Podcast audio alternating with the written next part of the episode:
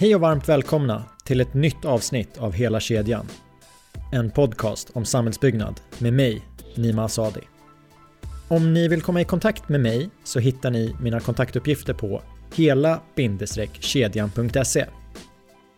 Från och med nu och några veckor framåt så kommer nya avsnitt att släppas på lite mer oregelbunden basis. Så för att slippa missa nya avsnitt så rekommenderar jag att ni 1. Går in på er poddapp och klickar på prenumerera. Samt 2. Håller utkik via poddens sidor på sociala medier. Sök på hela kedjan så hittar ni rätt. Nu är det dags att köra igång med dagens avsnitt.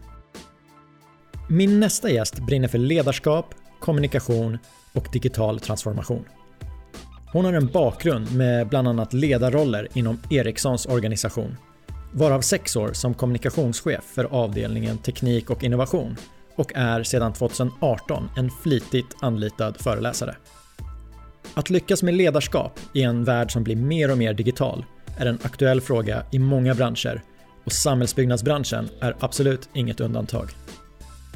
Ett önskemål från er lyssnare har varit att bjuda in personer med erfarenhet från andra branscher och dagens gäst har en hel del erfarenhet av förändringsresan inom IT och telekom. Hur digital behöver man vara om man ska leda en digital transformation? Vilket stöd behöver man från bolagsledningen? Vad bör man tänka på för att lyckas med implementeringen av nya verktyg? Det och mycket mer i dagens avsnitt. Låt mig presentera Åsa Degermark.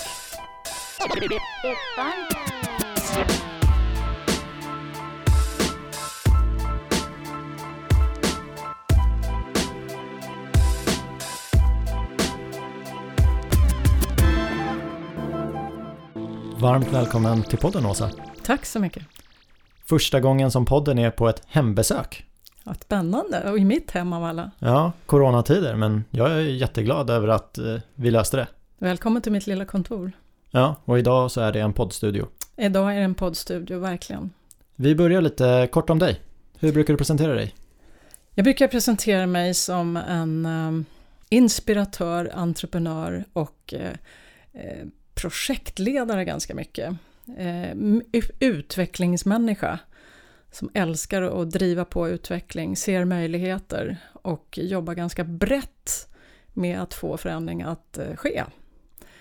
Eh, jag har också en stor passion för teknik. Jag har jobbat i teknikintensiv bransch i många år och kan inte någonting om teknik själv, men jag har, jag har verkligen haft förmånen att förstå och lära mig förstå och veta vad teknik kan möjliggöra. Det gillar jag jättemycket. Hur har det blivit så? Vad, vad har du för bakgrund? Jag har eh, nästan 20 år på Ericsson bakom mig och fick förmånen att jobba i teknologins utvecklingscenter inom forskning och utveckling och innovation där jag var kommunikationschef.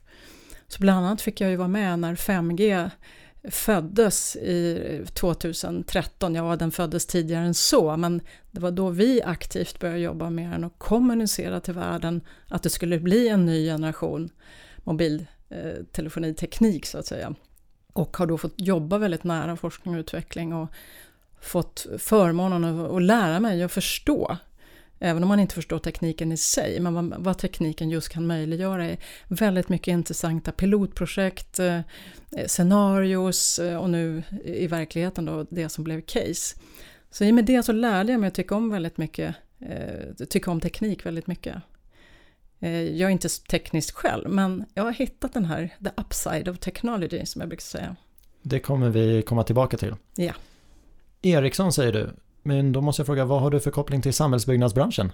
Ja, det kan man ju fundera på. Det var ju efter att jag blev egen företagare 2018 som jag eh, började jobba med olika företag och jag föreläser ju bland annat om mina passionerade ämnen eller de ämnen som jag brinner för som bland annat är ledarskap. Jag Har haft förmånen att få föreläsa en hel del för eh, företag och organisationer i samhällsbyggnadsbranschen. Sen, eh, sen årsskiftet så jobbar jag också som konsult en dag i veckan Eh, i ett samhällsbyggnadsföretag, ett teknikkonsultbolag och hjälper dem att driva på deras digitala transformation. Eh, och det gör ju att man öppnar sitt sinne för en ny bransch och man, jag är en väldigt nyfiken person så jag har ju tagit mig an det här med hull och hår och söker ny kunskap och lär mig väldigt mycket.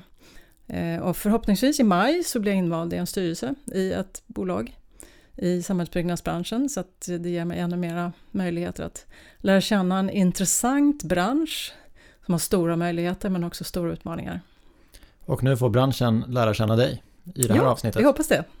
Jag har ju länge velat spela in ett avsnitt med fokus på digital transformation och eh, i mitt letande efter att hitta en bra gäst till det avsnittet så stötte jag på det här citatet. Jag har en stor passion och kunskap inom kommunikation, ledarskap och digital transformation. Det är ditt citat. Och det är jag, mitt citat. Ja, och jag är så himla glad att förutom digital transformation att även ledarskap och kommunikation omnämns. Låt oss börja. Hur, hur har det blivit så? Det hela mynnar egentligen från att Ericsson började väldigt tidigt med sin digitala transformation och är väldigt tidigt ute, både naturligtvis i och med att de gör eh, så att säga, världsledande teknik eh, som driver digitalisering. Men också i bolaget började vi med väldigt, och jag var stor, eh, stor del av det här. Jag tog, fick ju driva några saker själv och också jobba med, med medarbetare naturligtvis som skulle ta sig an allt det här. Och jag kan nog säga att i början så gjorde man ganska mycket fel. Eh, gjorde mycket rätt också, men också eh, mycket fel i sättet man implementerade nya lösningar. Eh, man kunde i mailboxen få fyra olika nya verktyg per vecka som man plötsligt skulle börja använda. Men det fanns ingen träning kring det, det fanns ingen information kring det och framförallt så saknades det information, vad ska jag ta bort om jag ska lägga till? ganska sådana fatala misstag begicks det mycket i början och det skapade ju väldigt mycket frustration min, hos mina medarbetare. Och jag som ledare fick ju då hantera det här på ett sätt och ibland kunde man påverka eh, och ibland kunde man det inte. Och vi, var, vi befann oss i en väldigt digital tornado under en period. Och det var ju först när jag kom ur den där tornadon som jag insåg eh, vad viktigt det är att både ledarskapet finns på plats, att kommunikationen sker som den ska, för att man ska lyckas med sin digitala transformation. Så jag älskar ju teknik, men jag inser ju vikten av ledarskap och kommunikation för att lyckas. Så därför har ju de tre områdena formats till mina tre passioner. Eh, som jag har så att säga, vidareutvecklat och som jag inser att i de projekt jag jobbar i så, så går det nästan inte att, att särskilja en utav dem, utan de hänger så himla tätt ihop.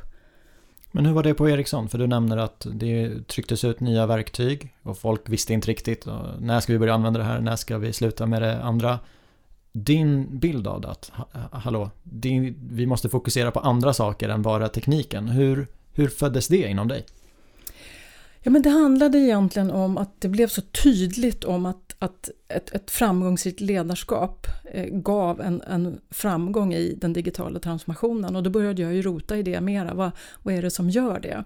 Och då såg jag så tydligt att en, en chef som, som tydligt tar en, en ställning för vart vi ska och vad vi ska göra och, och, står på barrikaden och driver det här samtidigt som det sker en väldigt tydlig och bra kommunikation och en prioritering i företagen.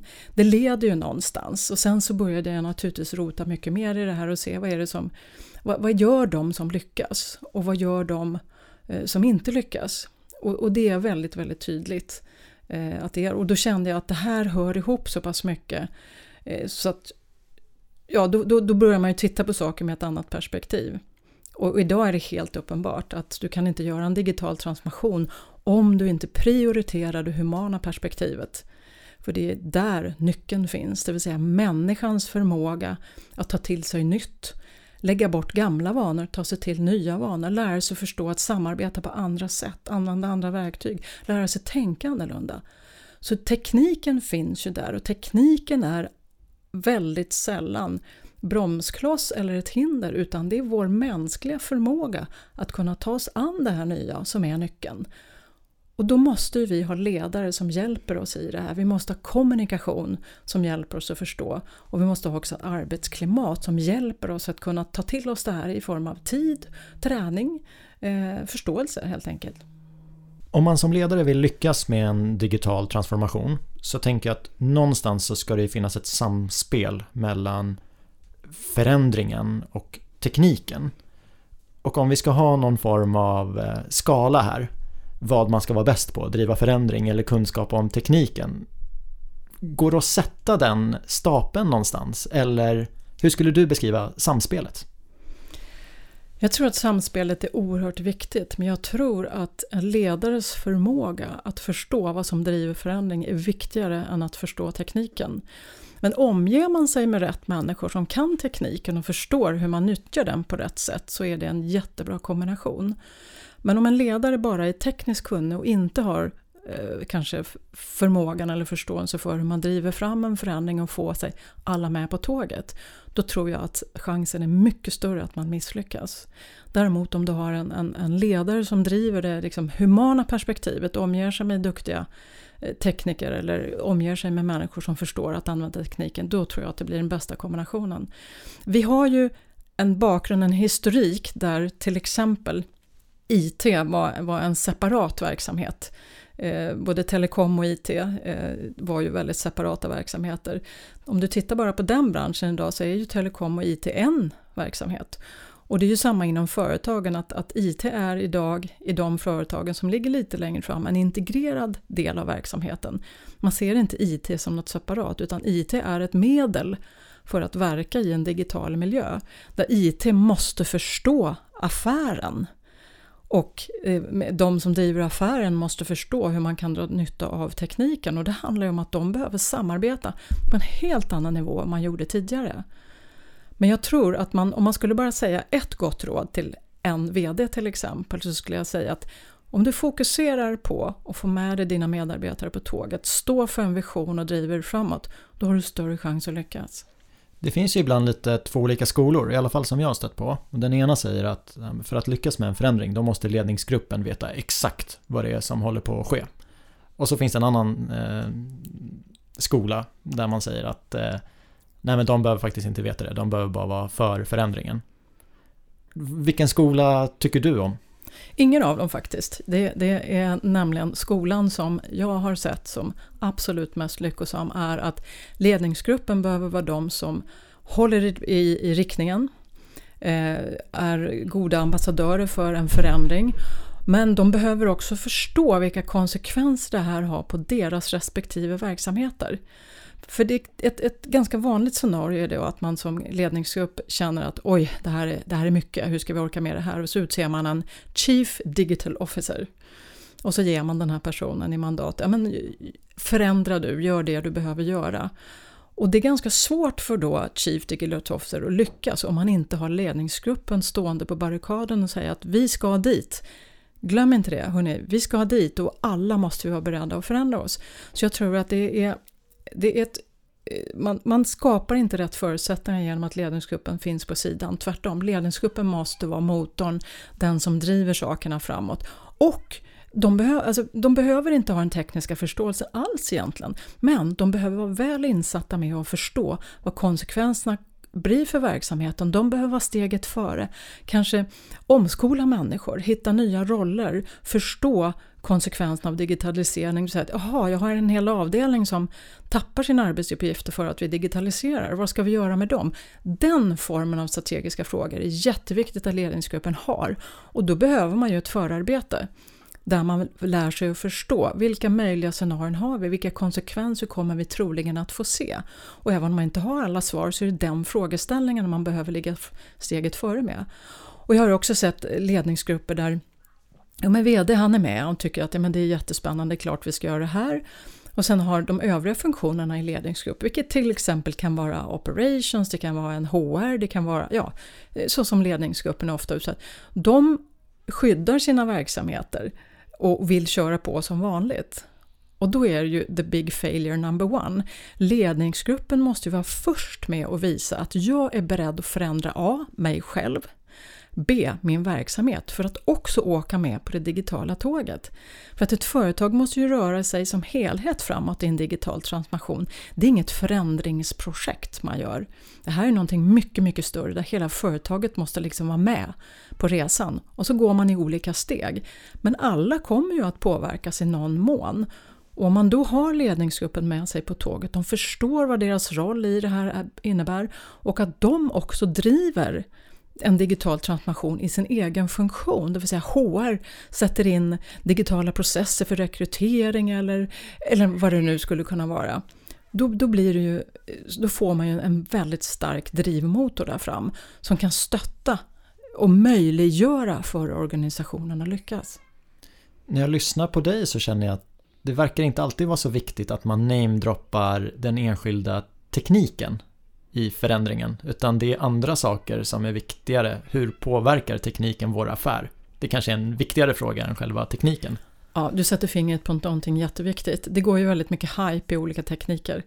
Eh, man pratar om det ena och om det andra. Men vad är det som säger att just den här tekniken är mest lämpad för våran effektivisering eller förädling av vårt utbud? För det, digitalisering ska ju leda till någonting. Att bara digitalisera utan att se ett resultat, det är ju, det är ju, då har man valt fel väg. Utan det gäller ju att hitta vad vill jag uppnå? Och vilken teknik är det som kan hjälpa mig att uppnå det jag vill? Så tekniken kommer ju egentligen sekundärt. Men du är ju flitigt anlitad för att prata om de här sakerna. Så jag antar att du träffar mängder av bolag i olika branscher. Och jag kan förstå att man inte kan generalisera, men vart, vart anser du att de flesta bolag eh, fastnar? Jag tycker nog, om jag ska, ska man generalisera och, och, se vad majoriteten missar på, så tycker jag att det är i implementationsfasen. Det vill säga man har gjort upp bra planer kanske, man har tagit fram bra lösningar. Men man negligerar tid och kraft det tar att verkligen implementera nya lösningar i organisationen. Jag nämnde det kort tidigare. Du, du, du kommer med ett nytt digitalt verktyg. Då måste du så här, få personalen med dig på tåget att vilja använda det här. Och där läggs det för lite tid och kraft idag. Och det här, för det här är ju nyckeln, att få alla att börja använda det. Vi ser ganska låg nyttjandegrad av nya applikationer och nya lösningar i företagen generellt. Så jag brukar alltid gå in till IT-avdelningen det första jag gör och så fråga, okej, okay, hur, hur tycker du att den digitala mognaden är på den här arbetsplatsen? Ja, den är så låg, sa de sist här. Ja, men varför det då? Nej, men vi har lanserat allt men inget använder det. Och då ställde jag frågan, men har ni jobbat med implementation? Vad menar du? Och där kom ju svaret, det vill säga IT-avdelningen upplevde att de hade lanserat alla möjliga bra digitala verktyg, men de hade inte ägnat någon tid och kraft åt att implementera det här hos medarbetarna. Det vill säga, hur ska ni använda verktyget? Varför ska ni använda det? Vilka vinster gör ni? Hur behöver ni jobba annorlunda för att ni ska verkligen nyttja verktyget? Och vad ska ni sluta göra? Är det ett nytt beteende som krävs för att jobba i det här verktyget? Det kanske är andra samarbetsformer som krävs, det kanske är helt andra värdekedjor som öppnar upp sig i med det här verktyget. Och hela den delen ser jag man missar väldigt, väldigt mycket på. Och då gör jag då att nyttjandegraden blir initialt väldigt låg och då tycker ledningen att ah, jag som investerade så mycket pengar i det här och så använder de det inte. Nyckeln är att man inte har lagt tid och kraft på att verkligen lära organisationen och få dem att förstå hur ska vi använda det nya på bästa sätt. Hur viktig är mätningen? Att man mäter effekten? Eh, historiskt sett så har vi ju velat mäta allt i alla ledder och bredder och det har varit scorecards och KPI och, och, och säga. Jag tror att vi behöver luckra upp lite det här tänket på att allting kanske inte är riktigt mätbart på det sättet vi är vana vid. Utan vi behöver vi behöver ändra också vårt sätt att tänka, vad är en framgång? Det vill säga i ett test, en innovation, så kan det vara en framgång att misslyckas. För då är det lärandet från det misslyckandet som sen blir en tillgång i nästa projekt. Så jag tror att vi måste ändra vårt synsätt på det här med hur vi mäter saker generellt i den digitala världen. Eh, de traditionella mäteformerna eh, tycker inte jag har hängt med alls. Och så länge vi mäter på gamla saker, på gamla parametrar, så kommer ju vårt beteende att styras mot gamla parametrar. Och från, till exempel om min lön sätts på en gammal parameter, då, då är det naturligtvis ett, ett mänskligt beteende att jag följer den, medan eh, förväntan på mig som någon form av innovatör ligger på ett helt annat stadium. Så mätningarna, alltså det vi mäter saker på måste man måste göra en översyn på det så att det är relevant utifrån det man vill uppnå. Jag kan ta ett exempel på ledarskapet då, eftersom det är det jag är mycket fokuserad på. Om man då vill att en, en ledare ska ändra sitt beteende och leda på ett annat sätt. Vi ska komma till det lite grann sen när jag ska ge lite tips. Och om jag då vill att ledaren ska ändra beteende, då kan jag ju inte använda gamla mät, mätformer på min ledare, för då kommer ju ledaren bara att, att gå på mätetalen. Alltså det är kanske inte är relevant längre att mäta en ledare bara på vinst och eh, eh, profit and loss, vad heter det? Jag kommer glömt vad det heter på svenska, men, men eh, vinst och, och, eller hur många enheter man säljer eller, eller, så. Utan det är andra parametrar man ska mäta sina ledare på, det vill säga deras förmåga att leda i en digital värld, bedöma risk och möjlighet på daglig basis. Eh, våga leda med vision istället för detaljerade planer och så vidare. Det är då först jag kan få en beteendeförändring. Du har ju ett citat eh, som lyder så här. Ledningsgruppen behöver bli möjliggöraren som ser och skapar möjligheter för sin organisation. Och incitamenten är väl en del i det, hur man, hur man mäter hur, hur bra eh, någon i organisationen levererar. Vad, vad mer? Ja, men det handlar ju om att skapa möjligheter för att medarbetarna ska kunna ta initiativ och kunna faktiskt kanske förverkliga de idéer och innovationer som de sitter och klurar på. Så det handlar, ju, det handlar egentligen om möjligheter ur flera perspektiv. Eh, inte bara att mäta rätt utan att skapa en eh, företagskultur som tillåter eh, prövning, testning, failure, misslyckanden. Eh, att skapa ett eh, arbetsklimat där man kanske tillåts att ha förändringsarbete som en del av sin vanliga arbetstid. Man kanske inte behöver timdebitera 100% eller som konsulter att vara 100% eh, vad säger man, debiterbar. Utan det kanske räcker med, med 80 att man känner att 20% av min tid har jag verkligen möjlighet att skapa nytt och påverka och, och göra de förbättringar som jag ser vi kan göra. Det är en sak och sen också att, att som ledning skapa möjligheter att våga tänka nytt, det vill säga att öppna upp för att eh, vi kommer att behöva nya affärsmodeller inom ett par år.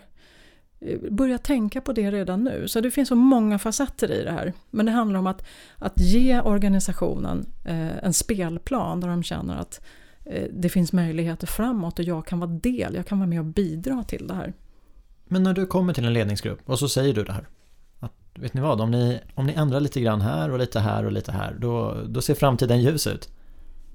Vad är argumenten till att inte hoppa på det?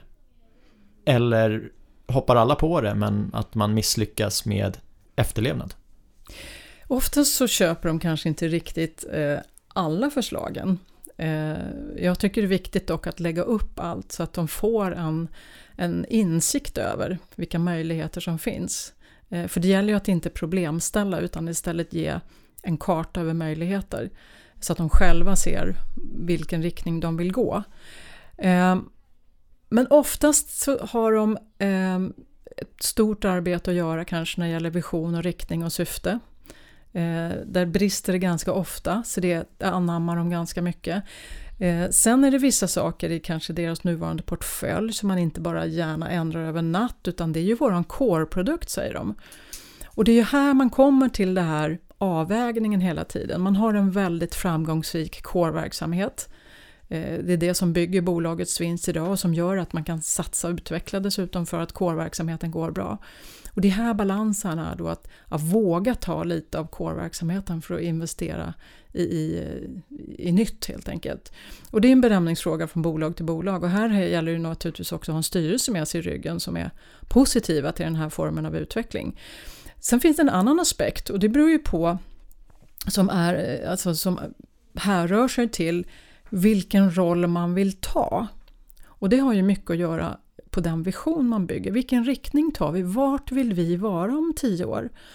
Vill, är vi en follower, det vill säga är vi någon som följer övriga branschen dit de går? Ja, men då kan ju vi lugnt sitta och se vilken, vilken riktning styr de skeppet och så anpassar vi oss efter det. Det är oftast ganska små inkrementella innovationer, eh, små mindre förändringar. Vill vi vara någon som är mera disruptiv, det vill säga någon som är med och driver branschens utveckling, någon som faktiskt ställer oss på barrikaden och säger att det här är den bästa lösningen och vill vara en, vad man kallar för en frontrunner mot våra kunder, då behövs det ju en större satsning och då behövs det ju också en större investering i botten. Så det handlar ju också mycket om vilken, vilken roll vill man ta i det här företaget? Var är man bekväm? Och är man har man bestämt sig för att vara en follower, då är naturligtvis kanske inte allt man vill slänga i luften på en gång, utan då tar man mindre steg. Vill man vara mera disruptiv och ha de musklerna, då kan man ju göra fler förändringar samtidigt. Eh, för att man kanske har mer muskler och vilja och driv att göra det. Så det, det finns många perspektiv på det här. Jätteintressant, jag har aldrig hört något företag säga så här, vi, vi ska bli en riktigt bra follower. Det, det är ingen bra varumärkes-payoff. Nej, oftast kommer man ju till den insikten när man har diskuterat med dem en stund, när de får rannsaka sig själva. Vem vill vi vara? Vart vi vill vara om tio år? Och vart tror vi att branschen är om tio år? Det är ju sådana här frågeställningar som är jätteviktiga att jobba med nu när det går så otroligt fort i utvecklingen. Okej, vart är vår bransch på väg? Var är sidobranscherna på väg? För det, det har ju vi blivit medvetna om att min nästa konkurrens kan, kan ju komma från en helt annan bransch. Det är kanske inte det, de jag upplever som konkurrenter idag som är min konkurrent imorgon. Eh, det vill säga att, att en, en, eh, någon kan gå in och utmana hotellbranschen från en helt annan eh, plattform och, och, vi har ju sett många exempel på det nu. Och där eh, behöver man ju kanske vara lite framsynt, kanske lite mer omvärldsanalytisk än man är idag, framförallt i byggbranschen. Vad, vad är det för hot vi ser framöver? Hur kommer branschen att utvecklas? Och vad händer nu? Vi tar CAD som ett exempel. Vad händer nu om den här startupen som det stod om mycket i pressen innan jul, som har fått angel investments, alltså ängelpengar, eh, och går in och vill göra den plattformen som de tycker att alla sen inom byggbranschen ska använda. Om de, om de lyckas med det, då kommer ju de från sidan och spelar in och kommer att påverka väldigt många. Är man beredd på det här? Förstår man konsekvenserna av det här? Var finns det övriga sådana projekt som pågår som kan i förlängningen bli ett hot mot mitt företag? Man behöver ju vara mycket bredare i sin, sin omvärldsanalys och förstå lite grann vart skeppet är på väg. Och sen kan man ju också fundera på, ska jag följa min kund eller är det kunden som ska följa mig?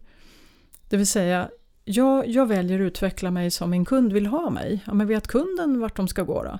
Nej, Ja, men om inte kunden vet var de ska gå, hur ska då vi veta vart vi ska gå? Jag tror att det är ganska viktigt att ha en, en själ i företaget som, som faktiskt säger att om tio år vill vi vara här, det här typen av företag vi vill vara.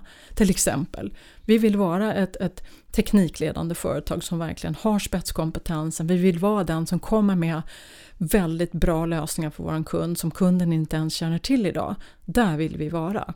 Ja men bra, då vet vi hur vi ska utveckla oss efter det. Eller vill vi vara någon som levererar standardlösningar som åker på eh, så att säga, färdiga moduler. Ja, jag, vet, jag använder fel uttryck här för, för branschen men jag tror ni förstår vad jag menar. Så här, vem vill jag vara? Och vilken roll ska vi ta? Och det här kommer ju fram när man diskuterar det här ett tag. Det är klart att ingen har i sin strategi eller affärsplan att vi ska vara en follower. Det är ingen som har, jag lovar det. Men efter ett antal diskussioner så kanske man inser, ah, okej, okay, här är vi och det är helt okej okay för oss. Vi har den typen av verksamhet så det är helt okej okay för oss. Vi ser att vi har en kåraffär i det här 10-20 år framåt genom att följa eh, branschen eller att vara en follower. Och någon annan gör bedömningen att nej men vi tappar den här branschen, vi tappar just de här delarna om tre år om inte vi gör en förändring här. Nu känner jag att vi är väldigt nära byggbranschen och eh, jag sökte häromdagen på Google, då skrev jag byggbranschen plus digitalisering. Och då möttes jag ganska högt upp av byggbranschen, sämst på digitalisering. Och jag behöver inte säga vad jag tycker om det. Jag frågar dig. Vad, vad tycker du om det? Nej, men jag tycker det är ganska allmänt känt att det är så. Eh, och, och, det är inget att skämmas över i byggbranschen på något sätt. Jag tror att det man måste ju se lite grann till var byggbranschen befinner sig, eller har befunnit sig, för nu ska, det börjar ju hända väldigt mycket också, det ska ju gud, ha gudarna veta. Men som bankerna som började sin digitala resa för 15 år sedan, eh, det så att säga, de kom ju till en, en, eh, ska säga, en arbetsdag där en bomb slog ner eh, för bankerna när Klarna dök upp med en helt ny betalningsmodell. Och det var ju starten på deras digitala resa. Den den bombnedslaget har inte riktigt kommit till byggbranschen ännu. Det finns, har inte funnits någon sense of urgency att faktiskt ta sig an den här typen av digitalisering. Eh, konkurrensen, den globala konkurrensen har ju varit ganska begränsad med tanke på regelverk och standarder och sådana saker. Standardiseringen inom byggbranschen vet vi är ju en ständigt pågående fråga där man inte har lyckats ännu. Utan det är ju väldigt många standards som används. Eh, den konsultbolaget jag jobbar med, de berättar att de jobbar med minst olika åtta, åtta standarder eh, beroende på vem som är beställaren i deras fall. Och här behöver man ju som bransch gå ihop eh, och förstå the sense of urgency. Vad händer för oss som bransch om vi faktiskt inte samarbetar? Och där drar jag faktiskt parallellen till telekom. Om, om telekombranschen lyckats standardisera alla eh, mobilgenerationer hittills så måste byggbranschen också klara av det. Det handlar mer om att man vill någonting gemensamt, man måste driva sakerna gemensamt och där är man inte ännu idag. Det kanske är så nu att medan man slåss om, om standarden, vem det är som ska vinna, så kommer det komma in någon från sidan som står och tittar på det här från en läktare och säger att nej men hallå, vi gör så här istället. Och sen är ju byggbranschen väldigt, väldigt mångfacetterad. Det är en bransch som består av väldigt många subbranscher. Allt ifrån el till projektering till, till miljö, brand, allt vad det kan vara. Så det är klart att det, det finns inte en, det är inte en enkel spelplan heller. Så det är lite liksom det, det, har inte varit helt solklart för byggbranschen kanske vilken riktning man ska gå men nu tror jag att det börjar bli lite, lite urgent faktiskt att sätta fart för att nu kommer ju utländska aktörer in. Det är ju kineser som bygger Stockholms tunnelbana nu. Eh, vi kommer ju se mer av sånt och, och Eh, det kommer att komma lösningar från sidan. Inte minst tror jag att den här hållbarhetsaspekten, miljökraven kommer att öka så pass mycket. Så att här behöver man ju verkligen ta sig an, alltså inte bara byggmaterial utan hur bygger vi hållbart och, och så vidare. Den, den är ju en jätteboom som är på väg här nu. Så att nu finns det alla möjligheter tycker jag för, för byggbranschen men jag tror att man behöver komma samman lite mer. Ehm, trots att det är många subgrenar eh, så har man allt på att vinna Eh, och faktiskt effektivisera också. Eh, det finns ju mycket dokumentationer och det är ju ritningar och jag vet CAD-ritningar, även om de görs i CAD så printas de ju än idag. Man, man printar dem i ett, ett visst antal och ger ut till en byggarbetsplats och det känns ju väldigt 70-tal måste man ju säga. Vad händer då om vi, vi, vi slutar göra det utan alla, alla ska kunna ta del av en 3D-ritning i sin, i sin terminal, vad man nu har för terminal istället. Alltså det finns ju vissa steg man, man kan komma igång med ganska snabbt. Och det handlar kanske också om en kulturförändring. En kulturförändring men kanske också en generationsförändring. Eh, vi vet kanske att eh, vissa generationer har lite enklare förut att ta till sig det här. Några tycker att det är jobbigt och jag vill göra som jag alltid har gjort. Eh, och så vidare. Alltså det finns lite olika jag ska säga kliv, jag ska inte säga barriärer för det behöver det inte vara, men det finns kanske olika kliv och där är vi ju faktiskt tillbaka av frågan om det humana perspektivet. Skapa förändringsvilja hos våra medarbetare, skapa förändringsvilja i en bransch som nog inte kanske är så förändringsvillig idag, utan det behövs andra påtryckningar. Du nämnde banktjänster och standardisering och två tjänster som jag använder i det dagliga är BankID och Swish. Och det spelar ingen roll vilken bank jag har utan jag kan logga in med BankID. Så det är någon form av standardisering. Om vi pratar byggbranschen så är det ju inte lika standardiserad och då tänker jag så här, okej okay, men vi har någonting som är den digitala transformationen inom respektive företag. Och sen har vi den digitala transformationen i branschen. Hur hänger de här ihop med varandra? Är det någon som är hönan och ägget eller hur, hur ska de samspela? Jag tror att det är en höna och ett ägg och det kommer att vara så. Eh, nu får du berätta. Finns, ja, nej men jag tror att det är inte det är inte så enkelt svar på det här egentligen. För att vissa branscher har ju en väldigt stark branschkultur. Där man har starka samarbeten, där det är branschen som tar lead på utvecklingen. Medan andra branscher har en svag branschorganisation, en väldigt splittrad branschorganisation där det kanske är ett stort starkt företag som istället vågar ta lead och säger, slår näven i backen och säger att nej, nu, nu tycker jag att vi gör så här. Och då väljer branschorganisationen att följa efter det. Så jag tror inte att det finns ett standardsvar utan det beror väldigt mycket på bransch till bransch och vilka aktörer som finns och vilka, vilka finansiella muskler och kanske också ledarskap som finns bakom. Så att, eh, kan inte svara varken ja eller nej på den frågan utan jag tror att det beror på bransch faktiskt och vilka, vilket mod finns i branschen och vilka aktörer finns. Min eh. bild av där vi är nu är ju att det sker en del utveckling inom respektive företag och sen så har man lite svårt att komma överens om att införa en branschstandard för att de flesta företag vill göra på sitt sätt. Sen har vi bra exempel på, ja men inom det här området så är vi överens. Men det kan ju också vara att den projektgruppen har varit väldigt karismatisk och det här med ledarskap och kommunikation har spelat in. Men jag tror att innan vi har det genom hela branschen, det, det, det kommer ta tid. En eh, utmaning eller en, en möjlighet som eh, många företag oavsett bransch men kanske speciellt inom samhällsbyggnadsbranschen som står inför en kanske lite större digital transformation eftersom att vi halkat efter. Det är ju det här, ja, men hur ska vi lyckas med ledarskapet i en värld som blir mer och mer digitaliserad? Och där har du åtta framgångsnycklar som jag gärna hör dig berätta om. Jo, men det ska jag gärna göra. De delar jag gärna med mig av. Eh, och det handlar om, de bygger ju på att vi, vi har en annan spelplan helt enkelt nu och det är andra, andra marknadskrafter och det är en helt annan hastighet och så vidare. Så det här bygger ju på de förändringar som vi har fått genomgå och som vi kommer att få fortsätta se förändras. Men det handlar mycket om att för det första ett så handlar det om att man måste jobba visions och syftesdrivet. För jobbar man med detaljerade kortsiktiga planer då bestämmer man ju faktiskt var intäkterna ska komma ifrån. Och man behöver längre visioner än så, man behöver längre horisonter än så i den digitala världen. Även om man har årsplaner för redovisnings skull så behöver man jobba med mycket, mycket längre perspektiv. Vision och syfte. Vad pratar vi om för perspektiv? Jag skulle säga tio år. Eh, tio år i förändringscykler eh, digitalt och där väldigt mycket är ovisst. Därför gäller det att ha riktning att gå mot för att detaljerna kommer att ändras. Dina kunder kommer att ändras, din affärsmodell kommer att ändras, dina produkter kanske kommer att användas på ett helt annat sätt i framtiden.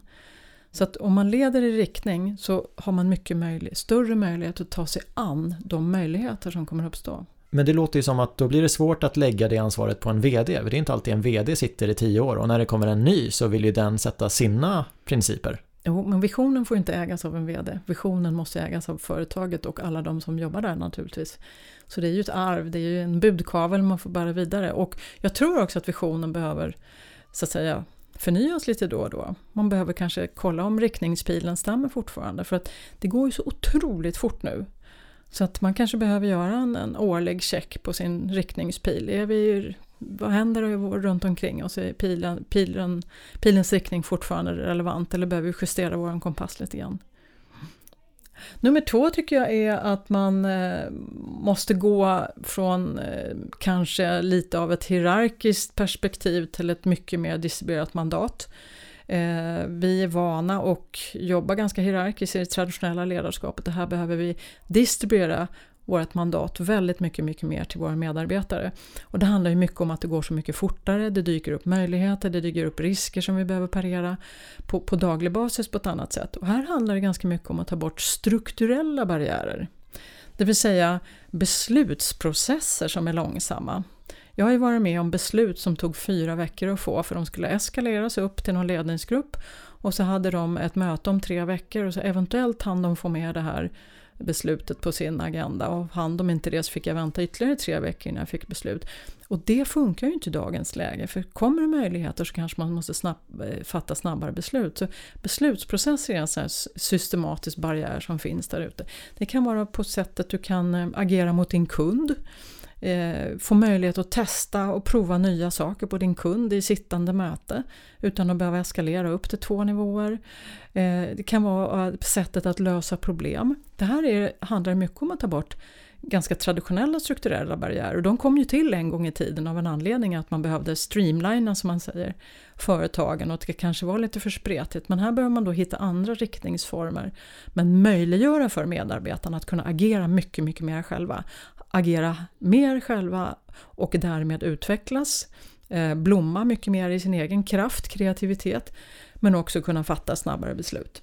Jag tror att många lyssnare nog känner igen sig. Att om någonting ska upp till ledningsgruppen kan inte min ledningsgrupp ta det beslutet och det ska upp till nästa, då, då är vi uppe på åtta veckor. Mm. Så tydligare mandat för beslut längre ut i linjen. Japp, precis.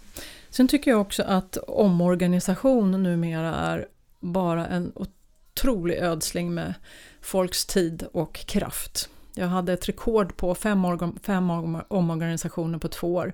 Och det enda som händer är att man tar kraften från kunderna och alla springer som tokar in, internt för att oroa sig och vara med i den nya organisationen. Det löser ingenting numera. Utan istället behöver man skapa en organisation som har en jättestor flexibilitet. Man behöver bryta ner Eh, silos, organisationsväggar. Man behöver se sitt företag som ett kompetensnätverk. Där man kan vid rätt tillfälle sätta ihop rätt kompetenser. Eh, det kanske är värdekedjor istället för produktgrupper. Eh, det kanske är en, en projektgrupp kring en viss problemställning. Det kan säga. Och har man den här flexibla eh, organisationen så kan man parera väldigt, väldigt mycket bra och man behöver inte ödsla kraften på att hela tiden hitta en ny organisation. Vi kommer att se de här ständiga förändringarna framöver hela tiden. Och då blir ju omorganisation en totalt onödig verksamhet. Ja, och min tanke där var ju, det är många som pratar om att man inte vill ha silos, men det är ju de där silosarna som gör att det, man tydligt kan mäta affärsenhetens resultat och det, så då är vi ju tillbaka på då är vi eh, tillbaka till profit and loss, precis. precis. Naturligtvis behöver vi som noterade bolag och som, som eh, enligt svensk lagstiftning och, och skatteredovisning och sånt ha ett system som möjliggör att man kan läsa av siffror. Så det ska vi naturligtvis inte förringa. Men man kan ha en arbetsmodell som gör att man inte upplever silosarna utan man ser, man ser slutvärdet man levererar istället. Sen kan man ju som bolag välja hur man mäter olika saker, det är faktiskt upp till bolaget. Så det, det, finns ju möjligheter att göra även om man, man måste hålla sig till, till lagstiftning och rapporteringsstruktur förstås. Ja, det, när, jag tänker silo så tänker jag ju två affärsenheter som gör ja. exakt samma saker i exakt samma region och då, då behövs det, man behöver inte bryta upp, alltså de behöver ju inte särredovisas. Nej, och en annan fördel med att, att ha en mer flexibel organisation är att jag kanske inte behöver eskalera uppåt och fråga om jag får låna en resurs utan det går snabbare att lösa ett problem för jag kan snabbt låna rätt kompetens till rätt, rätt problem. Kontra, jag vill inte låna ut Åsa, då kommer jag aldrig få tillbaka henne. Exakt, ja. exakt. Grymt, jag håller ja. med om, om de första tre. Nu mm. går vi vidare. Mitt fjärde tips är att gå från att vara en kontrollerande chef till att bli en orkesterledare. Jag älskar den metaforen, för det är ju en chef som står i mitten och orkestrerar sina, sina musiker för att de ska spela så bra som möjligt. Och det här är ju, eh, tycker jag, är viktigt för ledarna idag. att vara på plats i mitten där det händer, orkestrera möjligheter, bedöma risker, eh, eh, snabbt lösa problem, kunna pusha på där det behövs, kunna leda med den här riktningen på daglig basis. Då får vi ju saker att hända. Den mer traditionella ledaren är ju den som kanske samlar in siffror, eh, ska sitta på alla svaren själv, rapportera uppåt och så vidare. Och, och, den rollen funkar inte riktigt längre om vi ska ändra de andra parametrarna. Då behöver man vara mycket, mycket mer en orkesterledare i mitten. Som, som möjliggör, orkestrerar möjligheter och bedömer risker eh, på större sätt. Och framförallt då om vi har dessutom distribuerat mandatet så har ju ledarens roll blivit mer av att, att motivera, engagera, eh, se till att saker och ting händer och snabbt säga att nej men det här verkade inte funka, vi lägger ner det, vi provar det här istället. Princip nummer fem tycker jag att vi måste sluta prata förändringsprojekt. Förändringsprojekt har ju varit som en last med oss i många år nu och när man tänker på ett projekt så tänker man att det finns ett start och ett stopp. Och man, oftast får man det lagt på sina axlar utöver det normala arbetet man har.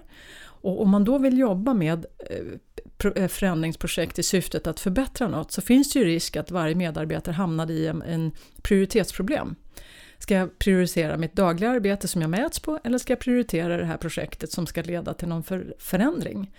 Här tycker jag att man måste, måste ändra mindset kring det här. För att vi lever nu i en värld där vi jobbar med ständig förbättring. Vi kommer inte återgå till någon form av statisk nivå utan vi kommer hela tiden leva med ständig förbättring. Och det här måste genomsyra alla medarbetares möjligheter att påverka. Det vill säga istället för att säga att vi jobbar med förändringsprojekt så ska vi skapa en förbättringsmiljö där människor har tid och kraft att vara med i de här projekten, för det behöver vi ha kanske, som driver verksamheten framåt, som förbättrar. Och alla känner att de har tid och kraft att lägga ner i det här.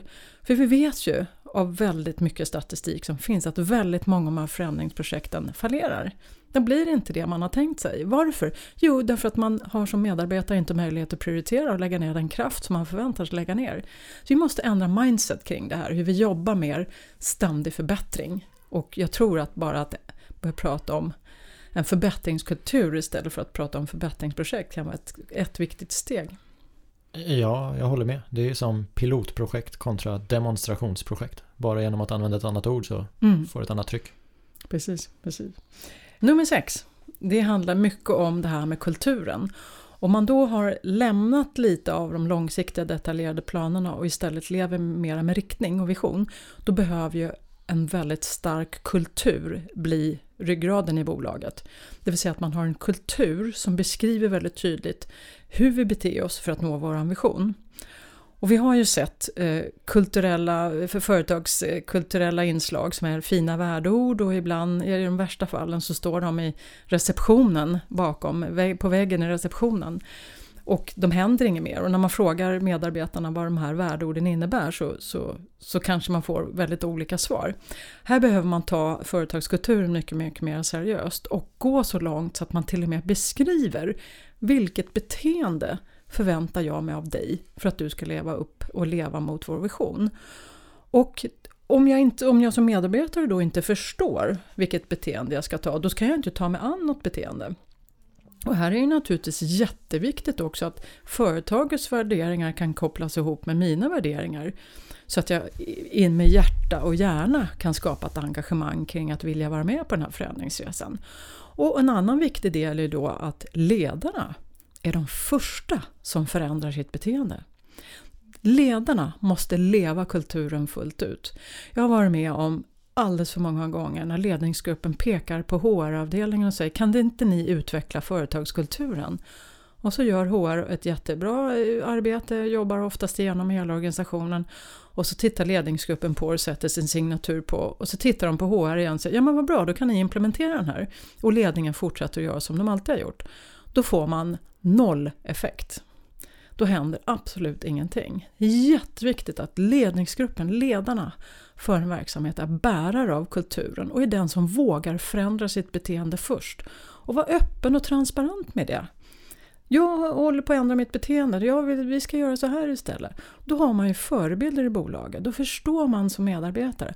Aha, det handlar om mig också, att jag behöver också förändra mitt beteende. Jag behöver också anamma andra saker för att vi ska få till det här. Nummer sju handlar ju då om kommunikation förstås. Och vi har ju varit inne på det lite grann redan, det här med hur vikt, vikten av att kommunicera om framgångssteg, om utvecklingssteg, kommunicera hur man implementerar, hur man använder och så vidare. Och också vara transparent med vad som händer i bolaget. Man kommer inte att lyckas med allting. Vara transparent om att nej, den här veckan har vi misslyckats. Men det här gick bra. Men vad lärde vi oss av vårt misslyckande? Var oerhört transparent så att alla är med på hur företaget förflyttar sig framåt. Och försöka dölja saker, det, det vet vi ju by now att det är ju ingen idé. Eh, så fort man slutar höra om ett, ett projekt så förstår man att det inte går så bra. Eh, så det är ju ingen idé, utan upp med det på bordet istället och berätta. Det här, det här har vi misslyckats med, men nu har vi lärt oss det här och det tar vi med oss när vi går vidare. Och kommunikation, det vill säga det är inte bara kommunikationsavdelningen längre som ska ägna sig åt kommunikation utan det är ledarna, medarbetarna som måste bli kommunikatörer allihopa. Eh, för det är genom kommunikation vi skapar engagemang hos människor. För engagemang kan man inte beordra. Det är någonting som varje individ skapar i hjärta och hjärna. Men genom god kommunikation, hitta motivationsfaktorer hos varje individ. Det är då det kan skapa vilja till förändring och ett engagemang. Så att kommunikationen är nyckeln till det här. Nu var vi inne på det igen med ett misslyckat projekt och jag tänker att i en silo då kanske ett misslyckat projekt är ett misslyckat projekt. Men om man kan sprida det till andra silos eller i bästa fall har man ju inte silos så att andra kan lära sig av det. Då är det ju inte nödvändigtvis misslyckat. Precis. För i, i den digitala kulturen så är misslyckande en del av vardagen. Alltså, bakom varje framgångsrikt projekt eh, som, som lanseras på marknaden som blir de här man snackar om så ligger det minst 40 misslyckanden bakom en framgångsrik tjänst. Eh, så det måste man ha med sig, det är en del av arbetet. Misslyckas man inte, eh, då kommer man inte att lyckas. Det är det som är en, en jätteviktig princip. Man måste våga göra fel och ledningen måste ha tålamod med att man gör fel. Man själv måste våga göra fel. Jag vet, eh, ingenjörssläktet som jag, jag har jobbat så otroligt mycket med fantastiska ingenjörer. Och de är ju ambitiösa och vill göra rätt och vill ju lyckas första gången. Men det här är jätteviktigt att lära sig av sina misslyckanden och våga vara den som misslyckas. Och vara stolt över det nästan. Jag vet i de nya bolagen som har formats i den, i den digitala eran, Klarna och Spotify och de här. För dem är det ju lika självklart att misslyckas som att lyckas. Det är en jätteviktig del av deras kultur och det är också en väldigt stor del av deras framgång. Jag tänker det när jag tänker lite för mig själv att det är, det är helt okej att misslyckas men se till att lära dig någonting av det. Mm. För när du inte gör det, ja, men då, då, då klingar det inte lika bra. Nej, precis. Och det är egentligen min åttonde princip som vi kommer till eh, som, som, som sista här, det vill säga att man behöver ta ansvar för sitt eget dagliga lärande. I, på engelska pratar man learnability. Att learnability kommer att bli människans största tillgång framöver, det vill säga vår förmåga att hela tiden lära nytt, lära om, sluta göra vissa saker, lära och göra nya. Och här är det ju en av mänsklighetens viktigaste egenskaper som jag tycker man ska plocka fram, nämligen sin nyfikenhet. Var nyfiken på digitala saker, var nyfiken på vad som händer i omvärlden och själv ta ansvar för sitt eget lärande. För det finns ju inget företag i världen idag som kan hänga med och leverera rätt kurser till alla. Utan man måste ju själv ta ansvar för var, var kan jag hitta ny kunskap, var kan jag hålla mig uppdaterad? Naturligtvis inte om allt, men kanske i sin lilla genre eller sin, sin bransch eller sitt område nyhetsbrev, eh, nätverk, eh, läsa, gå på kurs, eh, byta roller med någon eller byta jobb. Eller, alltså det finns ju en outtömlig källa att hitta kunskap idag. Men här måste driften komma från en själv och man, måste, man själv bör känna att jag lä måste lära mig, jag behöver lära mig saker varje dag för att hänga med. Och det kommer ju bli mänsklighetens stora nyckel i framtiden när AI kommer in till exempel. Learnability, människans förmåga att lära nytt, lära om snabbt. Där har vi dem, 1 till 8. Tack för att du delar med dig och tack för att du gästade podden. Tack själv för att du fick vara med.